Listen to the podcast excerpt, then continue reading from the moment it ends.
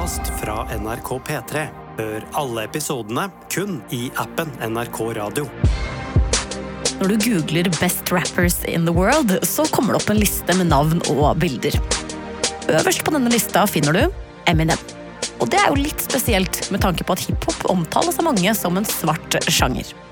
Men bak det hvite privilegiet, flere suksessalbum og drøye tekster om alt fra partnervold til sine mørkeste tanker, skjuler det seg en tung historie om fattigdom, desperasjon og pillemisbruk. Hvis vi virkelig skal forstå musikken til Eminem, så må vi også forstå hvordan livet hans har vært. Og hvordan ble han egentlig den største hvite rapperen? not afraid.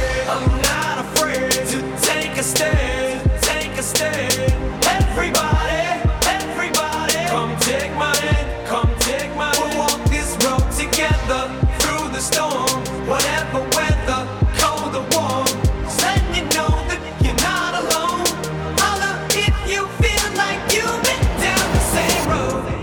Jakob Naustdal, du er min kollega i Musikkrommet og P3. Og denne låta her, den har du et litt eh, spesielt minne til. Ja, vi skal tilbake til tidlig 2000-tallet. Til en skolefritidsordning på en bitte liten barneskole i eh, Helgeland.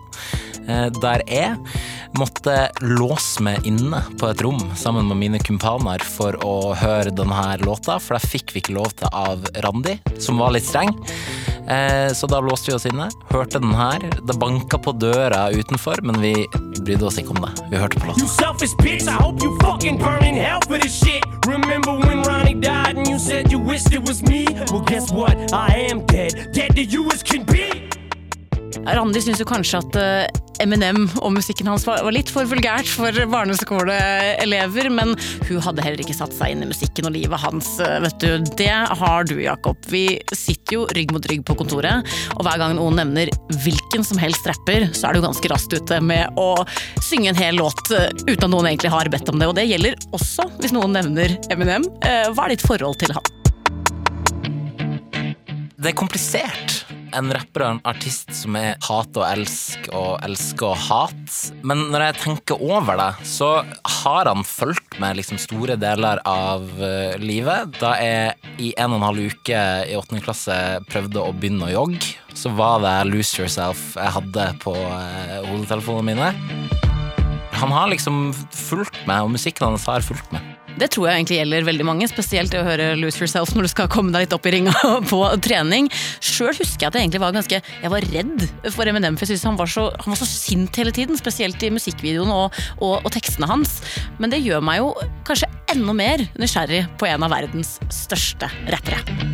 One, two, Ringing to the folk, Snoop Doggy Dogg and Dr. Dre is at the door. Ready to make an entrance, so back on up. Cause you know we're about to rip shit up. På 90-tallet blomstrer hiphop-sjangeren for fullt, og har i senere tid blitt omtalt som hiphopens gullalder. Noen av de største rapperne på denne tida, det er Tupac, Biggie og Dr. Dre. Og felles for de er at de rapper om egne opplevelser som er prega av urettferdighet og tøffe kår. Og vi kommer heller ikke unna at de alle er svarte. Du beskriver det egentlig veldig godt, Jakob. Ja, de her gangsterrapperne som de eh, kalles, de er nesten som journalister, og de rapporterer fra sin virkelighet. Og sjangeren de opererer i, det er jo en svart sjanger, hiphop. Derfor er det jo sikkert ganske mange som rynker på nesa når hvite Marshall Matters entrer hiphop-scenen midt på 90-tallet. Hvilken virkelighet er det han lever i? Han har jo sjøl beskrevet oppveksten sin i de svarte områdene rundt Detroit som trailer trash. Vokste opp i en fattig eh, familie. Mora er alenemor. Eh, Familien er veldig sånn dysfunksjonell, og det er misbruk av dop. Eh, Faren stakk av veldig tidlig, havna i fengsel og sendte alle brevene fra sønnen sin tilbake uåpna. Jeg kjenner jeg får sånn vondt av uh, unge Marshall Matters når de breva kommer i retur. Ja, det er utrolig sårt. Veldig, veldig sårt, så det er ikke noe tvil om at barndommen den var vanskelig for uh, Marshall. Men hvordan deala han med alle de mørke greiene som skjedde på hjemmebane? Han hadde jo virkelighetsflukt der, han også. Tidlig i ungdommen så ville han bli tegneserieskaper. Og var veldig opptatt av tegneserier. Også i tillegg så hørte han ekstremt mye på rapp. Og han begynte å rappe med en kompis som heter Mike. i en duo der han valgte scenenavnet M for Marshall and M for Mike Eminem, som utvikler seg til Eminem. I'm moving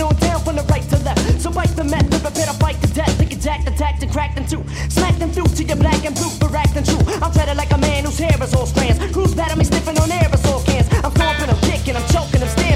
stamping, I'm clomping, I'm sticking,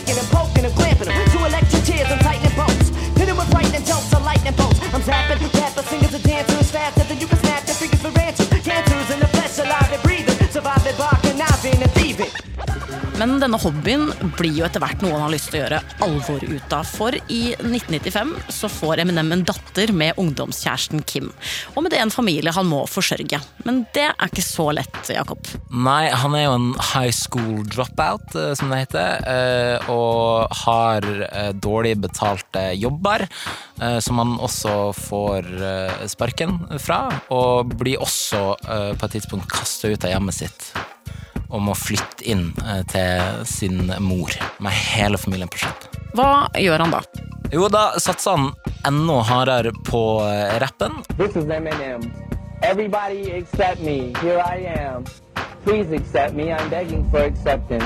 Og så begynner han med battle rap. Uh, battle rap er to eller flere artister mot hverandre, der det er om å gjøre å få seg sjøl til å fremstå så bra som mulig, og få motstanderen til å fremstå så dårlig som mulig gjennom uh, rapping. Ha ha ha ha. Alright, look. I'm gonna tell you this for your own benefit. Your shit was dope as hell, especially when you wrote 90% of it. What you need to do is practice on your freestyles. When you come up missing like Snoop Dogg's police files. This type of native songs that I'm spitting be hitting. You're gonna swear to God this shit was written, but it wasn't. I kill a dozen rappers when I'm buzzing, guzzling, beat your ass like a jealous husband.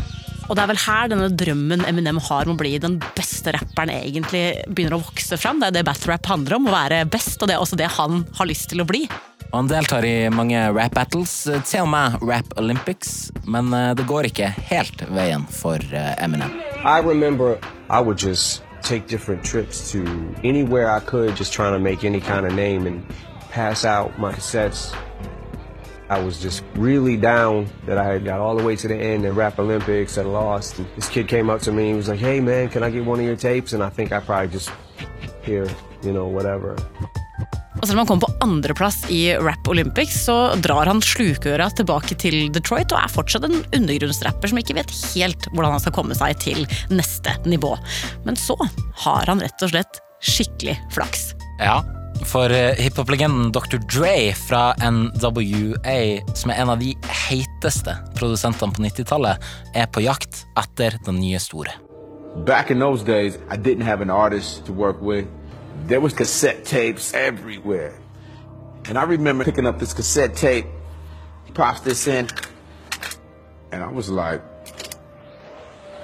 what the fuck and who the fuck is that? Rewind that, play that again.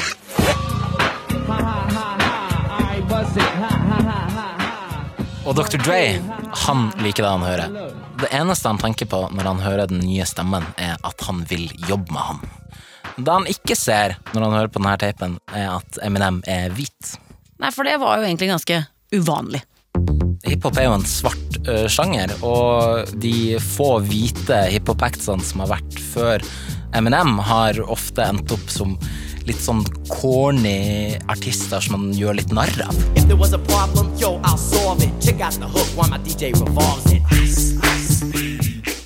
Skjønner ikke hva du mener med at det her er corny. Jeg har sunget Ice Ice Baby mange ganger på, på Singstar. Du om det. Men med det som historikk, da, så må jeg si at jeg egentlig syns det er ganske, det er ganske fett og litt sporty egentlig av sjølveste Dr. Dre å gi Eminem en sjanse. Ja, det er jo det, og han gir han en sjanse. Eminem flyr tilbake til Los Angeles, der Dr. Dre er. De møtes på Interscope Records. Og Eminem syns mildt sagt at det her er ganske stas. Holy shit, I'm in the Interscope office. Holy shit, Dr. Dre just walked in. Holy shit, I just shit myself. I'm looking at Dre like, dude, I see you on TV all the time. You're one of my biggest influences ever in life. Ja, For nå har han jo ikke bare fått møte et av sine store rappforbilder, de skal også gå i studio og jobbe sammen. And I had a studio in my house at the time, and I went and put some samples together, did a couple of things in the drum machine, and I invited him over. Dre, you do a lot of recording here? Yeah, most of the recording is done here. Nothing more comfortable than home. I was like, man, listen, I put this sample together. Tell me if you like it. You want to hear one of my joints, man? Yeah. And I hit the drum machine, and maybe two or three seconds went by, and he just went, Hi, my name is, my name is, like, yo, stop. Shit's hot. That's what happened our first day and the first few minutes of us being in the studio. Og Eminem er jo vant fra battle-rappen med å finne opp tekst eh, på sparket. Stop the tape. This kid needs to be locked away. Get him. Dr. Dre, don't just stand there, operate. So he starts singing this hook, and I'm in love with it. All of a sudden, I'm like, okay, I gotta go through my recording process. I think some cuts over the hook just to make it sound like it's a hook. This is the greatest producer. I'm at his fucking house recording. I don't know shit about nothing. I just wanted to make sure that every beat that he played for me, I had a rhyme ready to go. Hi, kids. Do you like violence? Wanna see me stick nine inch nails to each one of my eyelids? I'm seeing this is getting a reaction out of Dre, and he's laughing. He's not discouraging me from pushing buttons. My brain's dead weight. I'm trying to get my head straight, but I can't figure out which Spice Girl I wanna impregnate. Hi, my name is. What? My name is. What? My name is.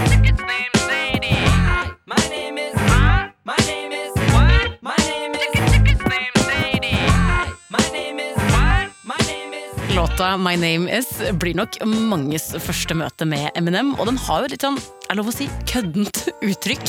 Noe som jo er eh, Eminems eh, trademark, i hvert fall i, i starten. Hva er det som er greia med det, Jakob? Ja, det er noe tegneserieaktig over eh, måten Eminem rapper på, og det han rapper om. Vi husker jo at han ville bli tegneserieskaper som liten, og der kan man sende litt igjen i tekstene hans. 99% of my life I was lied to. Just found out my mom does more dope than I do. I told her I'd grow up to be a famous rapper.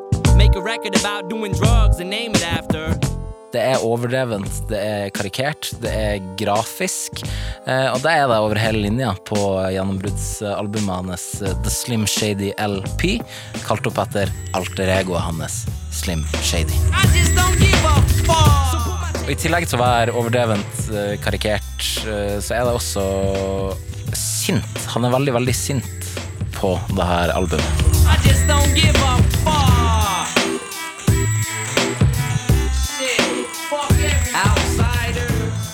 Som jo blir en umiddelbar eh, suksess, tross for alle de drøye tekstene og aggresjonen. Han skjuler jo virkelig ingenting av det som foregår inni den litt skrudde hjernen sin. Og det er kanskje noe av suksessfaktoren også, da, fordi eh, The Slim Shady LP den tar jo verden med storm og blir en braksuksess. Og da er det jo ingen grunn til å ligge på latsida, for Eminem følger opp både det veldig grafiske og det sinte på hans neste album som kommer ut året etter, nemlig The Marshall Matters LP. Put your hands down, bitch. I ain't gonna shoot you. I'ma pull you to this bullet and put it through you. Shut up, slut. You're causing too much chaos. Just bend over and take it like a slut. Okay, ma? Oh, now he's raping his own mother, abusing a horse, snorting coke, and we gave him the Rolling Stone cover? You goddamn right, bitch. And now it's too late. I'm triple platinum and tragedies happen in two states. I invented violence, you vile venomous vile little bitches. Bang, Vicodin, bang, bang, bang. Ja, det her er jo ikke lenger sånn tegneserieartig og karikert og gøy. Det her, Når jeg hører det nå, så syns jeg det er ukomfortabelt. Jeg syns det er ubehagelig. Eh, og han utleverer jo ikke bare seg sjøl, men også sine nærmeste. Låta Kim så rapper han om eh, rett og slett hvordan han skal ta livet av eh, kona si. Hey, where you going? Get back here! You can't run from me, Kim. It's just us, nobody else. You're only making this harder on yourself. Haha, gotcha. Go ahead, yell. Here, I'll scream with you. Ah, somebody help! Don't you get it, bitch? No one can hear you. Now shut the fuck up and get what's coming to you. You were supposed to love me. Now bleed, bitch, bleed. Det her er jo faktisk bare direkte ubehagelig å høre på, spør du meg, og da kan du bare tenke seg hvordan det må ha vært for Kim. Ja, Hun har sagt i ettertid at hun av åpenbare grunner syntes det her var utrolig ubehagelig, og hata måten hun ble fremstilt på i denne og andre låter av Eminem, og at hun sleit mentalt på grunn av det. I think that song is so horrible. I can't even begin to express it. And I think it's particularly sad now that Kim, the actual person, has tried to commit suicide. Recently, Kim Mathers was rushed to the hospital after trying to kill herself. Her husband continued his tour, uninterrupted. Så på en måte så får det jo reelle konsekvenser, men samtidig så slipper jo egentlig også Eminem relativt billig unna for de drøye tekstene sine. Og noe av grunnen til det er jo at han har vært ganske smart med hvordan han har valgt å skrive de. Ja, i låta Stan, også fra The Marshall Mathers LP, så skaper han en karakter som er så stor fan av Eminem at han dreper den gravide samboeren sin og seg sjøl. Og der er Eminem plutselig fornuftens stemme. Eh, Og han sa at han skrev låta som en reaksjon på noen sånn drøye brev han fikk av fans etter sitt eh, forrige album. Hope you get to read this letter. I just hope it reaches you in time before you hurt yourself. I think that you'll be doing just fine if you relax a little. I'm glad I inspire you, but Stan, why are you so mad? Try to understand that I do want you as a fan. I just don't want you to do some crazy shit. I seen this one shit on the news a couple weeks ago that made me sick. Some dude was drunk and drove his car over a bridge and had his girlfriend in the trunk, and she was pregnant with his kid. And in the car they found a tape, but they didn't say who it was to. Come to think about it, his name was it was you. Damn. Nå har det virkelig begynt å koke rundt Eminem, og forventningene er skyhøye når han i 2002 slipper albumet The Eminem Show. Get ready, this shit's about to get heavy. I just settled all my lawsuits. Fuck you, Devin! Now this looks like a job for me, so everybody just follow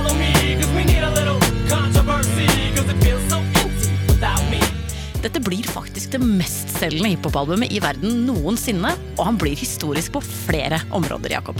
Ja, Han eh, debuterer som skuespiller i filmen Eight Mile, der han spiller en karakter som er bygd mye på hans eh, eget liv. Og han rapper på soundtracket, selvfølgelig, noe han vinner Oscar for i kategorien eh, beste originallåt på film, som den aller første rapperen noensinne. Woo!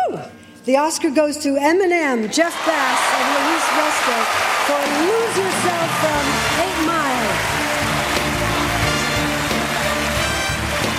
This is the first Academy Award and first nomination for Eminem, Jeff Bass. You better lose yourself in the music the moment you own it. You better never let it go. You only get one shot, do not miss your chance to blow. This opportunity comes once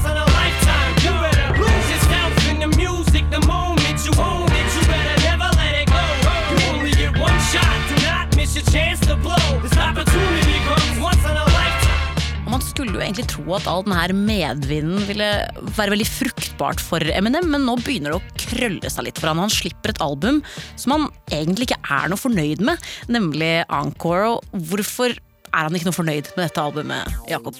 Nei, altså, det, det lekker jo en del låter fra det albumet før det blir utgitt, som gjør at Eminem må forandre på planene og kaste rundt og lage nye låter som han ikke er helt uh, fornøyd med. Alright, now lose it.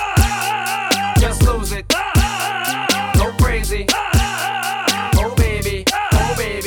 Men jeg tror vel da at først og fremst dreier seg om en ganske viktig ting som vi ikke har snakka så mye om ennå, nemlig rus. For det har han holdt på med siden han ble kjent, men nå har det gått fra eksperimentering til å bli et tungt misbruk av piller.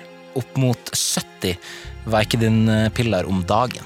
Og det er vel mer enn farmasøytene vil anbefale, for å si det sånn. Og Eminem gir jo ikke ut noe særlig musikk etter eh, Encore. Hva er det han egentlig driver med på den tida her? Nei, Det går mye i rus, og to år etter Encore kommer ut i 2006, så dør også en av Eminem sine beste venner, nemlig Proof. Rapper Deshaun Holton, better known as Proof, one of the founders of the rap group D12 and a close friend of sometime D12 member Eminem, was shot and killed at a Detroit nightclub. He was 32 years old. Proof often shared the stage with Eminem. He was even the best man at M's wedding this past January, but he was also an important figure in the Detroit hip hop scene. Og det må jo være helt brutalt å oppleve at bestekompisen din og samarbeidspartneren din går bort på den eh, måten der. Hvordan er det Eminem dealer med dødsfallet til eh, Proof? Han dealer med det gjennom å ta enda flere piller. Hvis det var ille før, så er det virkelig dårlig nå. You're taking things that people are giving you that you don't even know what the fuck they are. They look like a pill. Xanax, Valium, tomato, tomato. You know what I mean? It's the, the same thing. It's all in the same family. Fuck it. Take it. Han eh, forteller at eh, eh, etter at Proof døde, så lå han i senga, stirra opp på uh, takvifta og bare tok pille etter pille og greide ikke å gjøre noe annet enn det. Og i 2007 så går det skikkelig gærent. Ja, da skjer jo egentlig det uunngåelige. Uh, Eminem tar en eh, overdose. Had I got to the hospital about two hours later, I would have died. My organs were shutting down. My liver, kidneys, everything. They were gonna have to put me on dialysis. They didn't think I was gonna make it. Og I tida før så er det veldig mange som har vært bekymra for eh, Eminem. Han har jo blitt helt nummen av alle disse pillene. Men så skjer jo det klassiske. Han må nå bunnpunktet før han klarer å få en oppvåkning sjæl. Og det får han. I remember just walking around my house and thinking every single day, like, I'm gonna fucking die. Like, I'm, I'm looking at my kids and I need to be here. I just couldn't believe that anybody could ever be naturally happy or naturally function or be just enjoying life in general without being on something. For etter eh, mange år med pillemisbruk, så er hjernen så seig at eh, Eminem er redd for at eh, han ikke skal klare å rappe like bra som han alltid har gjort. I had to regain motor skills. I had to regain talking skills. It's been a, a, a learning process. Like it's been, I'm growing. Og rehabiliteringa handler ikke bare om at han må bli fri fra eh, pillemisbruket sitt, men han må også lære seg å rappe på nytt. took a long time for my brain It to start did. working again. Didn't you ask the doctors when I started recording new shit? When I first started rap, didn't you say like, I just want to yeah, make sure he doesn't have brain damage? I 2008 blir han nykter, og har vært det siden. Eh, Han lærer seg å rappe igjen, som er litt sykt å tenke på at Eminem har måttet gjøre. Og er med det tilbake på veien mot å bli den beste rapperen, som alltid har vært drømmen hans. Og han kommer jo endelig med musikk han er fornøyd med igjen. Eh, Fem år etter forrige album kommer Relapse og Recovery på rekke og rad. Og her får vi se en litt modnere Eminem. Here we go again, it's so insane. Cause when it's going good, it's going great. I'm Superman with the wind in his back. She's Lois Lane, but when it's bad,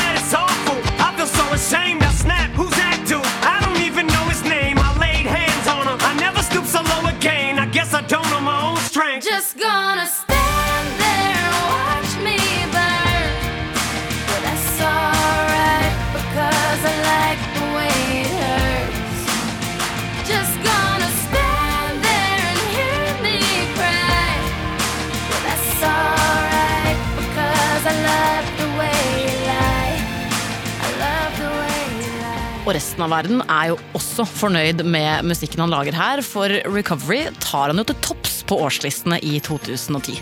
Det selger faktisk flest album i hele verden eh, det året der, så Eminem har helt klart eh, kommet seg igjen etter nedturen. And the Grammy goes to Recovery! Okay, this is crazy. Thank you. Thank you to the fans. What up, Detroit? Stand up! Nå er det ikke noe tvil om at Eminem er tilbake der han skal være, og han slipper flere album utover 2010-tallet og fram til den eh, dag i dag. Og i 2022 så blir han hylla for det han liker aller best, nemlig å rappe. Ladies and gentlemen, it is my honor to induct my friend Eminem into the Rock and Roll Hall of Fame.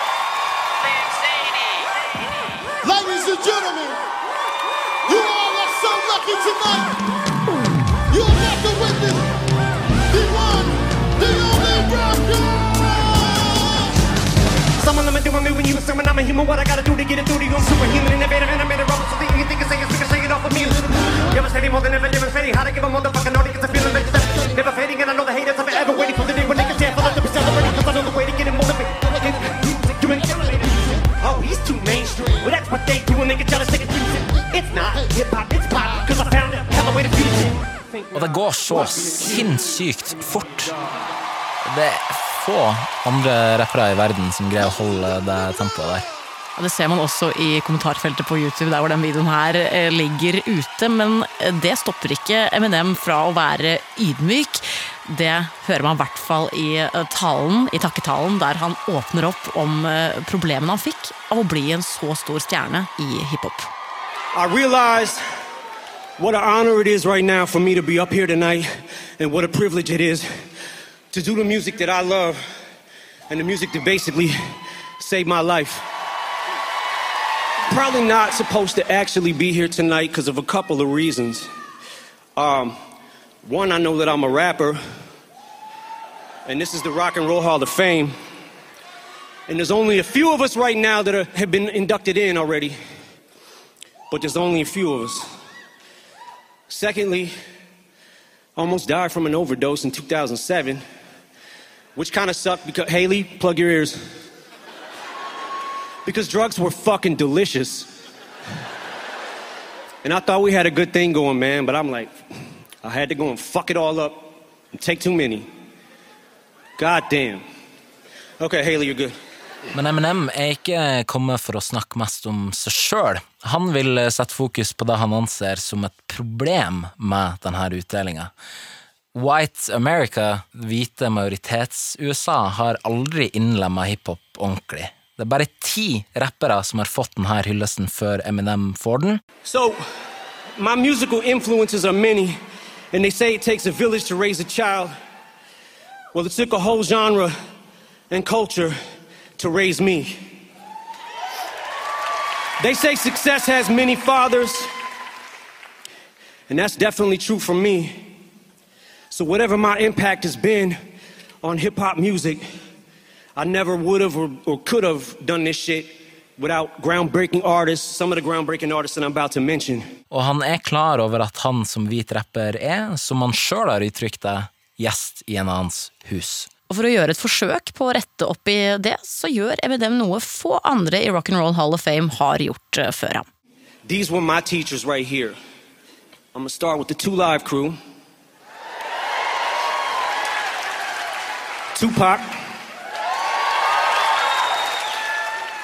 The Beastie Boys. The Notorious B.I.G., of course. Chuck D and Public Enemy. De La Soul. Nah, I'm about a third of the way done. Han ramser rett og slett opp alle forbildene sine, og det er ikke så få. Dr. Dre, of course. Outkast, Andre 3000, Paris, Farside, Queen Latifah, Rakim. I'm almost done. Redman, Roxanne Shante, Run DMC, Salt and Pepper, Tribe Called Quest, UTFO, Houdini, Wise Intelligent of the Poor Righteous Teachers, Wu Tang Clan, and YZ. Eminem name-dropper 114 rappere og hiphop-acts i en rørende tale som viser hvor lite rap egentlig har fått av cred opp igjennom. Those are just a few of the names that I hope will be considered in the future for induction because without them, a lot of us wouldn't be here. I know I, I wouldn't. I'm a high school dropout, man, with a hip hop education, and these were my teachers. And it's their night just as much as it is mine. So thank you. Det er jo faktisk noe å tenke over. Jeg lurer på, Jakob, hvorfor er det så viktig at akkurat Eminem gjør det her? Fordi han viser at han skjønner sin egen posisjon i rap-gamet, og han hedrer de bokstavelig talt hundrevis av artistene, svarte artistene, som har gått foran han og skapt sjangeren han nå er en stor stjerne i. Og han har jo gjort det før også. I 2002 på The Eminem Show så er åpningslåta en låt som heter White America, der han snakker en del om eh, det at han er en hvit eh, rapper, og han sier også i låta at hvis han hadde vært svart, så hadde han sannsynligvis solgt halvparten så mange album. Look at myself, let's do the math. If I Han er rett og slett ganske tidlig ute med å adressere dette med white privilege i denne låta her, og tar det opp igjen nå. Det er, det er viktig, for når man googler eh, hvem er de beste rapperne i verden, eller ja, who's the best rappers in the world, så kommer jo han på toppen. Og det er ikke sikkert det er han som hadde vært helt øverst hvis han var svart. Men han hadde jo aldri vært der om han ikke faktisk var dyktig og hadde et rapptalent. Den Eminem som framfører den låta her på tidlig 2000-tallet, har snauklipt bleika hår, hvit tanktop og kaller seg også for Slim Shady. Hva skjedde med den karakteren? Det er mange fans eh, opp igjennom som har ønska at han skal returnere tilbake til det de ser på som Eminem sin gullalder da, i tidlig 2000-tall med hele Slim Shady-alter-egoet, men der er han ikke lenger. Han er nykter, han er eldre, han eh, har modnes, og eh, jeg tenker sånn for min del så eh, er jo en av de tingene som er viktig med rapp for meg, er når man tror på den som rapper, og Eminem er på et helt annet sted i livet nå enn han var eh, da han var Slim Shady, og da må han også rappe om og gjøre de tingene han føler er riktig. Ja, det hadde kanskje blitt litt eh, krampaktig, for nå har jo faktisk Eminem blitt hele 50 år gammel. Det er jo egentlig ikke så innmari gammelt, men i hiphop-sammenheng så er det det, Jakob. Hvorfor det? Fordi hiphop er et eh, young man's eh, game. Hvert eneste år så kommer det inn nye og unge rappere som former sjangeren litt til sin egen, som utvikler den og fører den videre. Hiphop er jo eh, rundt 50 år gammel som sjanger. Det er like gammelt som eh, Eminem. Så Eminem er jo eh, på en måte en del av den generasjonen som man kaller den gylne hiphop-generasjonen på 90-tallet, tidlig 2000-tallet, som nå begynner å bli godt voksen da, i sjangeren. Men du nevner jo disse unge, sultne rapperne som stadig kommer til eh, denne scenen her. Hvordan er det Eminem ser på de? Er han trua, eller lar han seg inspirere? Eh, han har jo alltid villet være den beste rapperen, men med åra så har han jo fått ganske mange nye utfordrere. Ja, absolutt. Og jeg tror han eh, blir både trua og inspirert. For han sier sjøl at han hører på massevis av unge artister og prøver å følge med eh, på hiphop og hvordan det utvikler seg. Og han sier han hører på J. Cole og Kendrick Lamar, som riktignok er 35 år selv, da, men eh, 15 år yngre enn Eminem. Og så hadde han f.eks. en låt sammen med Juice World som kom ut to måneder etter at eh, Juice World eh, døde i 2020. Og han var på det tidspunktet bare 21 år gammel, så han viser at han prøver å, å holde tritt og også overgå de unge som kommer og vil ta tronen hans. Det syns jeg er forbilledlig, rett og slett. Og det som er litt interessant her, er at både ja, Kendrick Lamar og J. Cole har jo eh, tidligere nevnt Eminem som en av sine inspirasjonskilder igjen. Det her er jo det vi kan kalle et eh, skikkelig full circle moment, rett og slett. Noe jeg personlig elsker.